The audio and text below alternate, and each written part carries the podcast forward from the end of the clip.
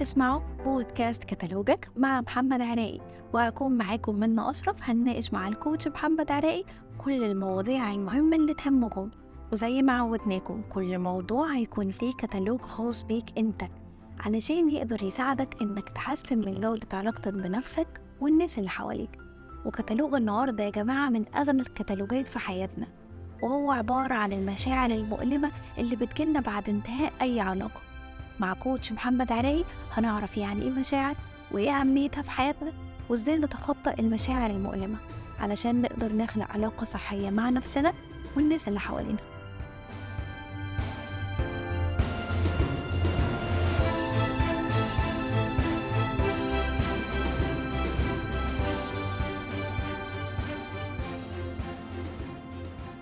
كوتش محمد إزيك؟ عامل إيه؟ يا رب تكون بخير. الحمد لله تمام. ازيك يا منى الحمد لله. النهارده هنتكلم عن كتالوج غني جدا ومن أشد الكتالوجات. آه بعد كل علاقة بتنتهي بيبقى فيه مشاعر مؤلمة قوي وشديدة جدا بتجيلنا. فمحتاجين بس نعرف إيه هي المشاعر وبنتعامل معاها إزاي وإيه أهميتها ونوظفها إزاي. كتالوج غني قوي ومحتاجة منك إن أنا أعرف معلومات كتير قوي عنه اولا طبعا يعني مش محتاجه اكد إن انتهاء علاقة أو انفصال عاطفي ده من أشد الحاجات المؤلمة على أي بني آدم وما ينفعش نستهين بيه خالص. الانفصال العاطفي ده لما بنكون مرتبطين بحد والحد دوت يسيبنا أو يتركنا أو العلاقة تنتهي حتى بظروف ده بيبقى شيء مؤلم جدا جدا جدا. عشان كده مهم جدا نبقى عندنا وعي هو إيه اللي بيحصل جوانا عشان لو اللي جوانا دوت إحنا ما فهمناهوش وعرفنا نتعامل معاه هيسيطر علينا وهيخلينا نتصرف بطريقة سيئة جدا لأن طبعا الألم اللي جوانا فوق طاقة الاحتمال فممكن نعمل حاجات تضرنا بشكل كبير جدا. إحنا محتاجين نبقى فاهمين إيه هي أشهر أو أهم المشاعر اللي بتمر علينا بعد انتهاء العلاقة. هما بيتحطوا تحت ثلاث أنواع يعني ثلاث أنواع من المشاعر. دي المشاعر الشديدة جدا الخوف والغضب الحزن. طبعا الخوف هو بيبقى جاي من إن أنا خايف من حاجة من المستقبل. يعني أنا خايف مثلا من الرفض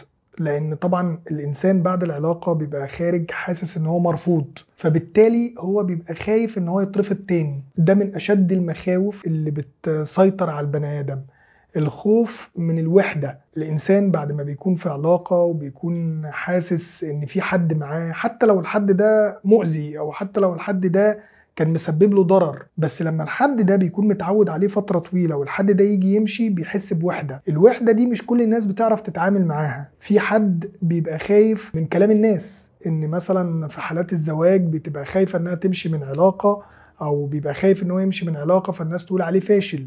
ففي مخاوف كتير بتهجم على البني آدم بعد انتهاء العلاقة. في كمان الحزن إن البني آدم بيبقى حزين بتصعب عليه نفسه بيقعد يفتكر بقى العلاقة واللي حصل فيها ويبتدي يسأل نفسه أسئلة من نوع هو ليه حصل كده وإزاي حصل كده وإزاي هنت عليه كده ويدخل في دوامة إن هو صعبان عليه نفسه ومن إن هو مش قادر يخرج من الدوامة بتاعة الحزن دي. ندمان آه لو كنت اتصرفت بالطريقة دي كنت كملت معاه. ما هو ممكن لو كنت استحملته شوية كمان كان الموضوع بقى أحسن. في كمان مشاعر الغضب ودي بتبقى نتيجة للتوقعات. يعني غضب بقى وانتقام آه أنا بعد ما العلاقة خلصت كنت مستنية إن هو يجري ورايا إن هو يعرف قيمتي. إن هو يتصرف معايا بطريقة معينة كويسة وما تصرفش بيحصل عندي غضب شديد جدا. فكل واحد من المشاعر دي طبعا تحتيه مشاعر تانية. يعني كل شعور الخوف دوت تحتيه مشاعر كتير. الغضب تحتيها مشاعر كتير. الحزن تحتيه مشاعر كتير. فأول وأهم حاجة علشان تقدري تتخطي مشاعرك بعد انتهاء علاقة هو إن أنا أصلا أعرف إيه المشاعر اللي بتدور جوايا. علشان أنا لما هحدد المشاعر وابتدي أعرفها بشكل واضح هبتدي أفهم الفكرة اللي ورا المشاعر. ولما هبتدي أعرف الفكرة اللي ورا المشاعر هبتدي أناقشها وابتدي بعد مناقشتها الفكرة دي تفقد قوتها عليا فبالتالي المشاعر هتفقد سيطرتها عليا وما تتحولش لسلوك.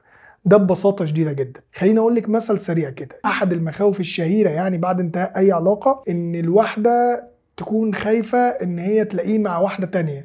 إن هو ينزل صورته مثلا على الفيسبوك خاطب أو متجوز أو إن هو يعيش حياته من غيرها. فالخوف ده بيخليها عايشة في أرق شديد جدا طول الوقت بتراقب طول الوقت بتتابع علشان تطمن. هي طبعا فاكرة إن هي لما تراقبه وتتابعه هي هتطمن لكن للأسف هي بتترعب أكتر وبتبقى قاعدة طول الوقت خايفة أكتر وأكتر. هي بتبقى عاملة زي اللي إيه اللي عارفة اللي عندها سنة كده متلخلخة كل شوية تمد إيديها عليها علشان تطمن السنة متلخلخة ولا لأ. بالتالي إيه اللي بيحصل للسنه السنة بتتلخلخ أكتر لحد ما تقع تمام؟ كذلك برضو النوع ده من المخاوف لما تقعد كل شوية تبص وتقعد كل شوية تتابع وتقعد كل شوية تراقب أنت بتاخد معلومات المعلومات دي بتعمل سيناريوهات السيناريوهات دي بتخلي الخوف عندك يزيد أكتر وأكتر. عشان كده مهم جدا نبقى فاهمين إن المشاعر بشكل عام ليها طريقة في التعامل. من أهم الحاجات اللي أنا بحب أوصي بيها أي حد من الناس اللي إحنا بنشتغل معاهم في برنامج اقلب الصفحه إن أنت تتعامل مع المشاعر دي على إنها كائن عايش جواك. كائن عايش جواك. الكائن ده بياكل وبيتغذى ولو أنت غذيته وقويته هيغلبك. طب أنت بتغذيه إزاي؟ في نوعين من التغذية. في تغذية داخلية وفي تغذية خارجية. التغذية الداخلية دي اللي هي الكلام مع الذات إن أنا أقعد أتكلم مع نفسي بطريقة نيجاتيف هو ما بيحبنيش لأ هو أكيد بيحبني طب أكيد هيرجع. طيب هو ما حبنيش ليه؟ طب أنا في عيوب إيه؟ آه أكيد هو بني آدم وحش أكيد هو نرجسي أكيد هو حمصي أي كلام أقعد ألت وأعجن فيه مع نفسي. طبعا أنا هنا بعمل إيه؟ أنا هنا عمال أغذي مشاعر الغضب عمال أغذي مشاعر الخوف عمال أغذي مشاعر الحزن على حسب المرحلة اللي أنا فيها. طيب التغذية الخارجية طبعا اللي هي المراقبة المتابعة التجسس الكلام عليه مع الصحاب ومع الأصدقاء إن أنا أقعد أتكلم عليه مع الصحاب ومع الأصدقاء.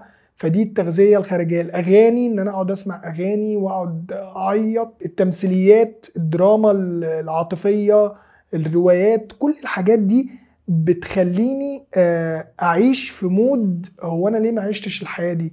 هو أنا إزاي اتغدر بيا كده؟ فبالتالي بندخل في دوامات من المشاعر ما بنعرفش نخرج منها. ما هو كل شعور وليه طريقة.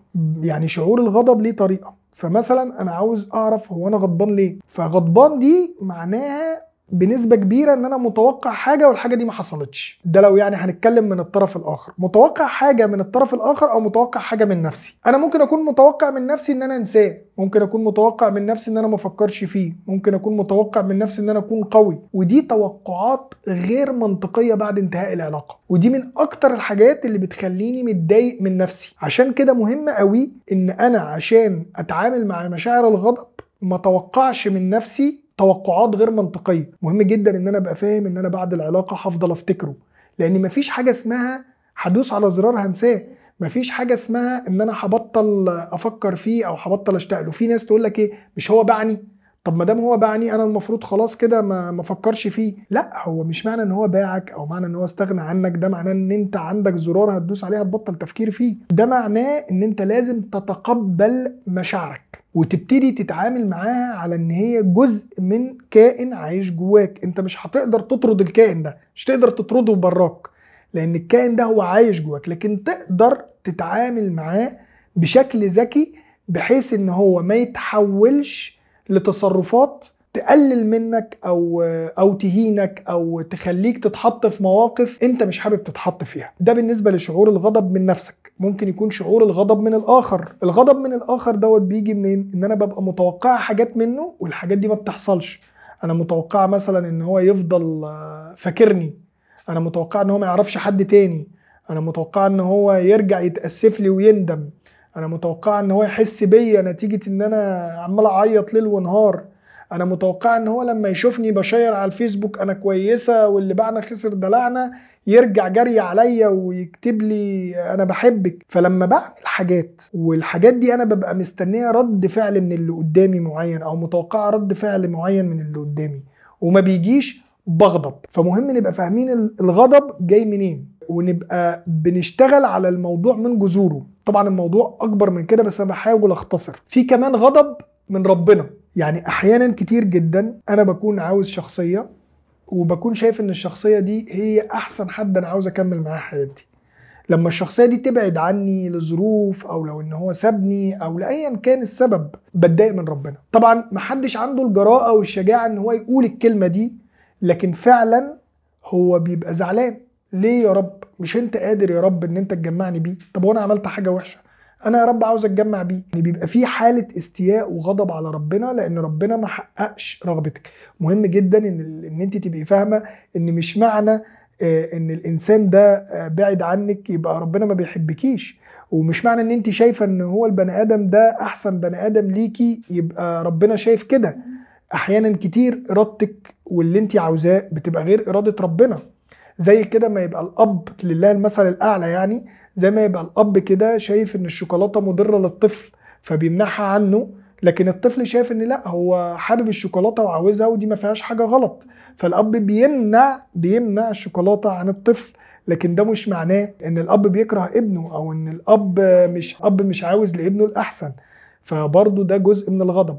تلخيصا الغضب يا إما غضب على من نفسك يا إما غضب من من ربنا يا إما غضب من الآخر وبيكون نتيجة للتوقعات الغير منطقية والتفكير الغير منطقي. الحل بتاعه إن إحنا نظبط توقعاتنا ونبتدي نصفي الحسابات مع نفسي أو مع الآخر أو مع ربنا ونخرج من عقلية الضحية.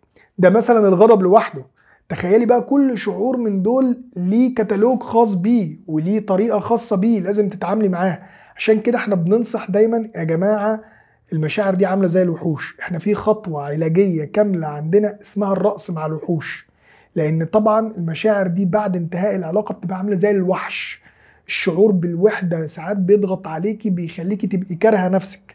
الشعور بإن انت اترفضتي وإن انت اتسبتي ساعات ممكن يدمرك نفسيا. فمهم تبقي فاهمة اسم الشعور ومهم تبقي فاهمة إيه الطريقة اللي بتتعاملي معاها بيه وإيه إيه الأفكار الأساسية اللي جابت الشعور دي.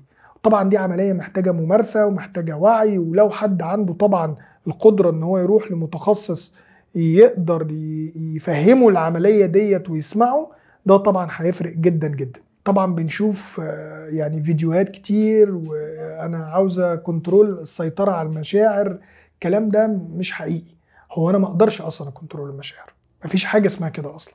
لأن المشاعر اللي بتيجي دي هي مشاعر خارجة عن إرادتي. أنا ما بقدرش آه، أتحكم فيها. ولكن أنا أقدر أتحكم في استجابتي لهذه المشاعر. يعني لو هنعتبر إن المشاعر دي ضيف رخم جاي يخبط الباب عليا. هل أنا أقدر أمنع الضيف؟ أنا دلوقتي قاعد كده. أقدر حد جه يخبط علينا وإحنا بنصور البودكاست دوت أو إحنا بنسجل البودكاست ده حد جه يخبط علينا الجرس. أنا أقدر امنع الراجل اللي جه يخبط الجرس ده ان هو يخبط الجرس تاني وتالت ورابع؟ ما أقدرش. لكن أقدر امنع نفسي من إيه؟ من ان أنا اقوم افتح له الباب وادخله واقعد معاه ونقضي معاه ساعتين ثلاثة يبقى أنا ما أقدرش امنع المشاعر انها تجيلي لكن أنا أقدر امنع نفسي من الاستجابة السلبية للمشاعر دي. طب إيه هي اشهر الاستجابات السلبية للمشاعر آه، اللي بتجيلنا؟ طبعا يعني في مشاعر في مشاعر الخوف بيبقى ليها استجابات مشاعر الغضب بيبقى ليها استجابات مشاعر الحزن بيبقى ليها استجابات. بس أشهر الاستجابات دي هو إن أنا بحاول أهرب من المشاعر دي. بهرب منها إزاي؟ بإن أنا أحاول أدور على حاجات تبدو إن هي إيجابية أحاول أعملها. زي مثلا إن أنا أنزل آه، أروح جيم أسافر آجي. ده كله كويس وأنا بنصح إن الناس تعمله.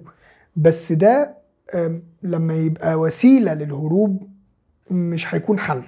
مهم إن أنا أواجه مشاعري. كمان من ضمن الاستجابات السلبية في ناس بتروح آه، تدور على علاقة تانية علاقة rebound تدخلها علشان خاطر تسكن المشاعر دي. وأنا بحب أسمي النوعية دي من العلاقات علاقة Catafast. يعني حد بيكون بيتألم فبيروح جاي فاتح كيس Catafast واخده علشان الألم يهدى لكن هو معالجش الألم. فبيقوم إيه اللي بيحصل له؟ بيقوم الألم عنده أشد في اليوم التاني. طب ليه الألم بيبقى أشد في اليوم التاني؟ لأن الوقت اللي هو كان المفروض يعترف بيه في ألمه ويرتاح لو اعتبرنا مثلا إن الألم ده إن رجله وجعاه مثلا بدل ما يريح رجله وياخد علاج وياخد وقت أطول لا هو مستعجل. فيقوم واخد Catafast يقوم ينزل يتحرك على رجله في الوقت اللي هو المفروض كان يريحها فيه فيحصل إيه؟ فرجله تاني يوم تبقى تعبانة أكتر وأكتر. عشان كده مهم جدا إن إحنا نبقى واخدين بالنا من العلاقات ال rebound. الرعب من المشاعر أصلا فكرة إن أنا أبقى مرعوب من مشاعر معينة ده في حد ذاته حاجة غلط جدا. هي في الأول وفي الآخر هي مشاعر. الناس بتدي المشاعر حجم كبير جدا جدا جدا في حياتها. وأنا بقدر مشاعر أي حد بيتألم بعد انتهاء العلاقة لكن في الآخر وفي الأول النهارده في حاجات كتير قوي وطرق كتير قوي بتعلمنا إزاي نتعامل مع المشاعر. بودكاست اللي إحنا بنسمعه دوت ممكن يفتح لنا أفكار ممكن نروح لمتخصص ممكن نحضر كورسات عن حاجة اسمها الذكاء العاطفي إزاي نتعامل مع مشاعرنا وإزاي نفهمها وإزاي ما نخليهاش تتحكم فينا. في كتب طبعا في كتاب مشهور جدا لدانيال جولمان اسمه الذكاء العاطفي. ففي حاجات كتير جدا ممكن نتعلمها. عارفة إيه أسوأ حاجة؟ أسوأ حاجة في الدنيا إن أنت تخلي مشاعرك أهم من أي حاجة. إن أنت تخلي مشاعرك هي ربنا بتاعك. إن مشاعرك لما تقولك أي حاجة أنت تصدقيها بدون مناقشة وبدون تفكير. لازم يبقى فاهمة إن أنت عبده لربنا مش لمشاعرك. لو أنت طول الوقت بتسمعي كلام مشاعرك وما بتقدريش تقولي لها لأ بالتالي مشاعرك هتهينك وهتقلل منك. المشاعر المؤلمة وتخطيها بيبقى فيه حاجات كتير قوي. إحنا في قاعدة عندنا اسمها قاعدة خمسة ته خمسة ته دي آه، طريقة بسيطة جدا آه، يعني من خلالها بتعرفي آه، إزاي تديري منظومة مشاعرك. خمسة ته اولا الته الأولانية تعرفي مشاعرك. هو أنا اللي عندي ده خوف ولا اللي عندي ده حزن ولا اللي عندي ده غضب؟ طب لو اللي عندي ده خوف أنا خايفة من إيه؟ مهم جدا تحديد الشعور بشكل واضح جدا جدا. لأن عدم قدرتك على تحديد الشعور هيخليك مش عارف تتعامل معاه. زي كده أنا دلوقتي عندي عدو. العدو ده لو أنا مش عارف مواصفاته وعارف إيه قوته وعارف إيه نقط ضعفه مش هعرف أقف اواجهه فبالتالي مهم جدا إن أنت تعرف الشعور وتحدده. تاني حاجة بعد ما تعرف الشعور تتقبله. أتقبله إزاي؟ ده شعور مؤلم. آه تتقبله. وتحترمه كمان. لأن ما دام هو موجود يعني ما دام هو موجود عندك يبقى هو جاي لهدف. الهدف ده إن أنت تتعلم منه حاجة. يعني الشعور ده بيبقى عامل زي notification كده. زي جاي لك mail بيعلمك حاجة. فلو أنا عندي شعور خوف دلوقتي مثلا من إن هو يعرف واحدة تانية. أو شعور خوف من إن أنا أفضل وحيدة. أو شعور خوف من إن أنا حبيبتي ما ترجعليش. ايا كان شعور الخوف اللي عندي هو جاي يوصل لي رسالة. عاوز يخليني أعمل حاجة إيجابية. المشكلة إن مش كل بيعمل كده. يعني ممكن يكون الشعور ده جاي عشان أتوكل على ربنا عشان أعرف إيه دوري عشان أعرف أنا محتاج أعمل إيه علشان أتعامل مع الخوف ده. لكن للأسف عشان أنت مش عارف إيه اللي عندك فبتعمل حاجة عكسية تماما. فمهم إن أنت تعرف مشاعرك. بوضوح شديد. تاني حاجة تتقبلها ما تقاومهاش وما تركزش عليها. عارفة لما يكون مثلا أنت اتلسعتي كده في بوتاجاز فتبقي خارجة آه متألمي جدا من من اللسعة دي فأنا مهما حاولت أطمنك واقول لك ان يعني إن انت بخير وكويسة انت مش تسمعيني. لأن انت مركزة مع الألم. كذلك لما بعد انتهاء العلاقة بتبقي مركزة مع مشاعرك. وليكن مثلا عندك شعور بالخسارة مثلا. مهما أوريكي إن انت لأ انت الحمد لله انت أحسن من غيرك. انت عندك بيت انت عندك شغل انت الحمد لله خسرانة. آه بس في مكاسب. انت خسرتي واحد مزيف. انت ما بتبقيش شايفة. انت بتبقي مركزة جدا جدا مع مشاعر الخوف. تمام؟ فبالتالي انت محتاجة تبقي فاهمة ان ان ما تركزيش مع مشاعرك بزيادة عن اللزوم وما تقاومهاش لأن لما هتركزي مع مشاعرك زيادة عن اللزوم هتزيد وتكبر وتسيطر عليكي ولما هتقاومي مشاعرك هتزيد وتكبر وتسيطر عليك طيب اعمل إيه؟ اتقبلها. نمرة ثلاثة نديرها تدير مشاعرك. يبقى تعرف تتقبل تدير مشاعرك. يعني إيه تدير مشاعرك بقى؟ يعني اتعامل مع مشاعري دي كأنها موظفين. أنا جاي لي خوف. فالخوف ده دلوقتي موظف. جاي هو هو جاي عشان يخوفني. هو وظيفته إن هو يخوفني. فهو بيقول لي خاف من لحظة إن هو يعرف واحدة تانية. طب الخوف ده الموظف ده أنا لازم أسمعه وأتكلم معاه. أقول له أنت بتخوفني ليه؟ أنت ليه بتخوفني هيقول لي عشان عاوز أحميك. أنا عاوز أحميك من الوجع. تمام؟ هقول له تمام. أنت مش هتحميني من الوجع. اللي هيحميني من الوجع ربنا. لكن لو انت جاي عشان تخليني اعمل حاجة مفيدة فالحاجة المفيدة دي النهارده مثلا إن أنا أقرب من ربنا أوكي تمام. أهلا بيك مهمتك خلصت. يبقى أنا مهم جدا أبقى فاهم الخوف ده جاي لي يعمل إيه. طب الحزن مثلا. الحزن جاي لي ليه؟ أنا حزين وقاعد وصعبان عليا نفسي. ده هدفه إن أنا أتعلم من اللي فات. يعني لما أبقى قاعد ندمان على تصرف سلبي أنا عملته بيبقى أجيب ورقة وقلم وأقول الموقف ده أنا ندمان عليه. طب أنا اتعلمت منه إيه؟ طب الغضب. أنا غضبان. الهدف من الغضب إيه؟ إن أنا أقعد واهدى وأتعلم إزاي أقلل من توقعاتي وأفكر بشكل منطقي وأشوف إيه حقوقي وإيه اللي ليا وإيه اللي عليا.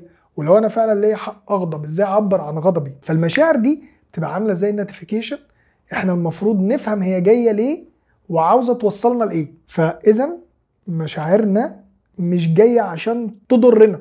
هي جاية علشان تحمينا بس إحنا عشان ما بنبقاش عارفين نتعامل معاها بنعمل حاجات سلبية. ساعات بنكبتها أحيانا بنكبت مشاعرنا لأن بنبقى شايفين إن إحنا عاوزين نظهر بشكل قوي أو بنبقى شايفين إن محدش هيتقبلنا وإحنا عندنا مشاعر حزينة. بنكبتها وبننعزل وبنسكت وده طبعا بيؤدي إلى انفجارات. أحيانا تانية بنحصل إيه؟ أحيانا تانية ب... بننفجر وتخلينا نتصرف بتهور. وفي كلا الحالتين ده غلط. إحنا لا مطلوب مننا نكبت مشاعرنا ولا مطلوب مننا نمشي نولول على مشاعرنا. إحنا مطلوب مننا إن إحنا نخلي مشاعرنا في حجمها الطبيعي. يعني آه الموقف صعب وآه مشاعرنا مؤلمة بس أنت ولا أول ولا آخر واحد تعرضت للخذلان تعرضت لانفصال عاطفي. خليك اتعامل مع مشاعرك بشكل منطقي علشان ما توصلش إن مشاعرك هي اللي تبقى مالية الدنيا وهي اللي تبقى مسيطرة عليك. تعرفي مشاعرك تتقبليها تديريها تحفزيها. ينفع موظف يشتغل من غير حافز؟ كذلك مشاعرك. انت دلوقتي عندك مشاعر مثلا إن انت تكملي حياتك وتبقي كويسة عاوزة مشاعر أمل مثلا. عشان مشاعر الأمل دي تفضل موجودة عشان مشاعر الخوف دي تبعد عنك انت مثلا خلاص واخدة قرار إن انت تبعدي عن حد مؤذي. بس بعد شوية وقت لقيتي نفسك ندمانة أو لقيتي نفسك عاوزة ترجعي له. طيب عشان مشاعر الندم دي أو عشان مشاعر الخوف من الوحدة دي ما تسيطرش عليكي محتاجة تحفزي نفسك. خلاص انت بقيتي عارفة إن دي مشاعر الخوف من الوحدة ومشاعر ندم. انت متقبلاها انت عارفة تديريها عارفة ان ان المشاعر دي المفروض ما تجيش علشان ترجعك لا دي جاية علشان تضللك فانت فاهمة وأنا مش هسمح لها انها تعمل كده بس بيجيلك لحظات ضعف شديدة قوي. طيب إزاي احفز بقى المشاعر دي؟ إزاي اخلي المشاعر دي ما تسيطرش عليا؟ بان أنا افتكر المكاسب والخسائر بان أنا افتكر أنا عملت كده ليه أصلا؟ هو أنا بعدت ليه؟ وأنا اتسبت إزاي؟ وأنا وأنا اتعرضت لإيه؟ أفتكر أنا لو فضلت سايبة من نفسي المشاعر هتعمل فيا إيه؟ فمهم جدا إن أنا أحفزها أفكرها بالمكاسب اللي هتعود عليها لو أنا فضلت صامدة على قراري لو أنا فعلا تجاوزت المحنة دي. آخر حاجة بعد ما نحفز مشاعرنا ونفضل مكملين ومستمرين هو الاحتفال. تحتفلي. الاحتفال من أهم الحاجات اللي بتفرق جدا لأن مهم ان إحنا كل يوم بتتخطي فيه مشاعرك من غير ما تتصرفي تصرفات تقلل منك ده حاجة عظيمة جدا. ياما بنات وستات ورجالة ما بيعرفوش يتعاملوا مع مشاعرهم وبيتصرفوا بطريقة يدمروا بيها نفسهم لمجرد إن هم مش قادرين يستحملوا مشاعرهم. عشان كده كل راجل أو كل بنت أو كل ست اتحطت في موقف والموقف دوت انتهى بيها إن العلاقة دي انتهت ومرت بمشاعر مؤلمة وقدرت تتعامل مع المشاعر دي بذكاء وتحولها لطاقة حقيقية تخليها تتنقل من منطقة الأمل لمنطقة أمل وفعلا تقدر تتعامل بشكل كويس ده حد شجاع جدا ومحتاج إن هو يحتفل بنفسه ويضرب تعظيم سلام لنفسه إن هو قدر يعمل كده وما هنش نفسه وما قللش منها. هنا نلخص الخمس نقط الأول بتوع خمسة ت إحنا قلنا إن في خمسة ت تعرفي تتقبلي تديري تحفزي تحتفلي. دول الخمسة ت اللي انت لازم تعرفيهم علشان تعرفي تتعاملي مع مشاعرك. إيه هي التصرفات اللي ممكن نعملها تقلل مننا؟ في ناس كتير جدا بعد ما العلاقة بتنتهي بتدخل علاقة تانية لمجرد إنها تغيظ الطرف الآخر. في ناس تانية بتروح تشرب مخدرات. في شباب كتير بعد ما العلاقة بيتعرضوا للخذلان بيروحوا يشربوا مخدرات. في نوعية تانية بتروح تعور نفسها أو تنتحر علشان تصعب على الطرف التاني. في واحدة بتقعد تطارد في واحد بيقعد يطارد يقعد يجري ويروح وتلاقيه البنت تبقى قاعدة مثلا تلاقي الشاب ده قدامها في الكافيه واحد يبقى قاعد يلاقي الواحدة اللي هو سابها قدامه وبتكلمه وأنت إزاي؟ فالمطاردة.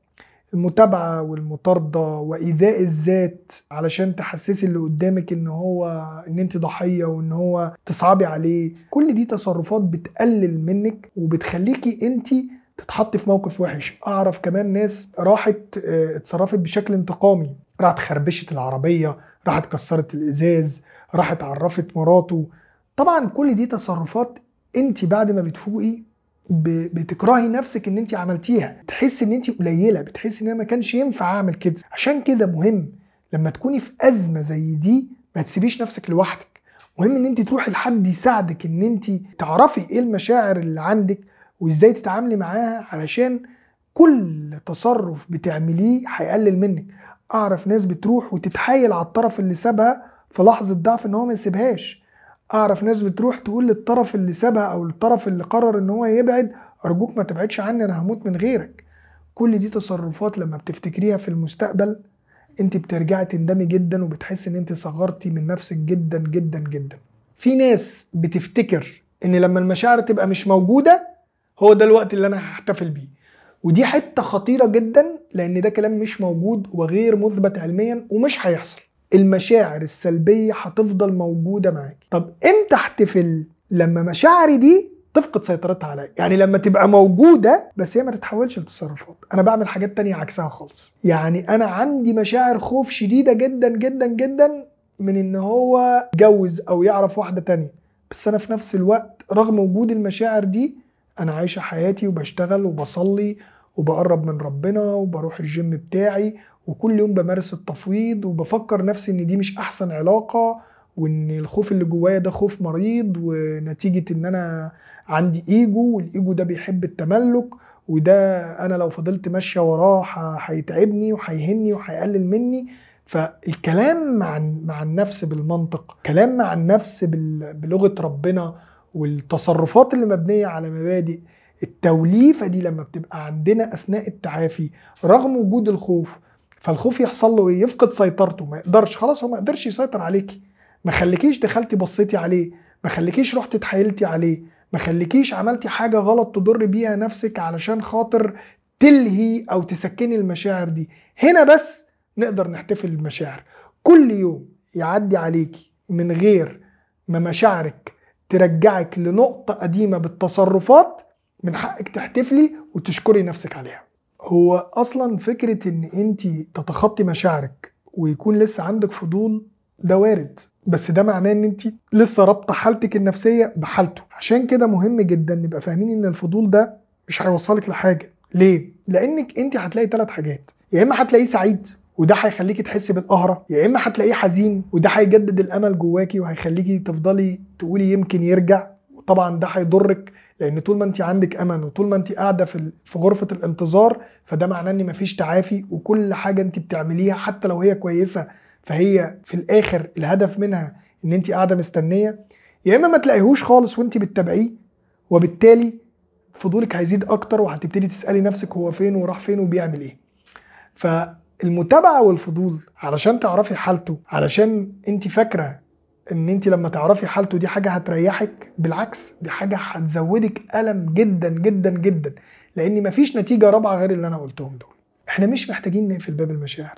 إحنا محتاجين نتعامل مع المشاعر دي إن هي مجرد مشاعر. هي ليها احترامها ونتقبلها بس ما نسيبهاش تسيطر علينا وتقلل مننا لأن هي في الآخر مشاعر والمشاعر دي متغيرة. عدي يومك بس. كل اللي مطلوب إن أنت تعدي يومك مهما كانت مشاعرك مؤلمة. اعمل الاكشن الصح وعدي يومك وثق في ربنا ان المشاعر دي هتتغير سواء بكرة أو بعده.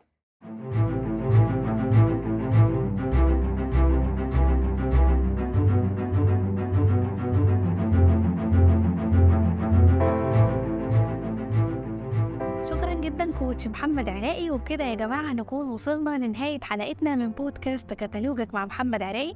أتمنى يكون ترد على جميع الأسئلة بتاعتكم. استنونا المرة اللي جاية في موضوع مهم جدا جدا.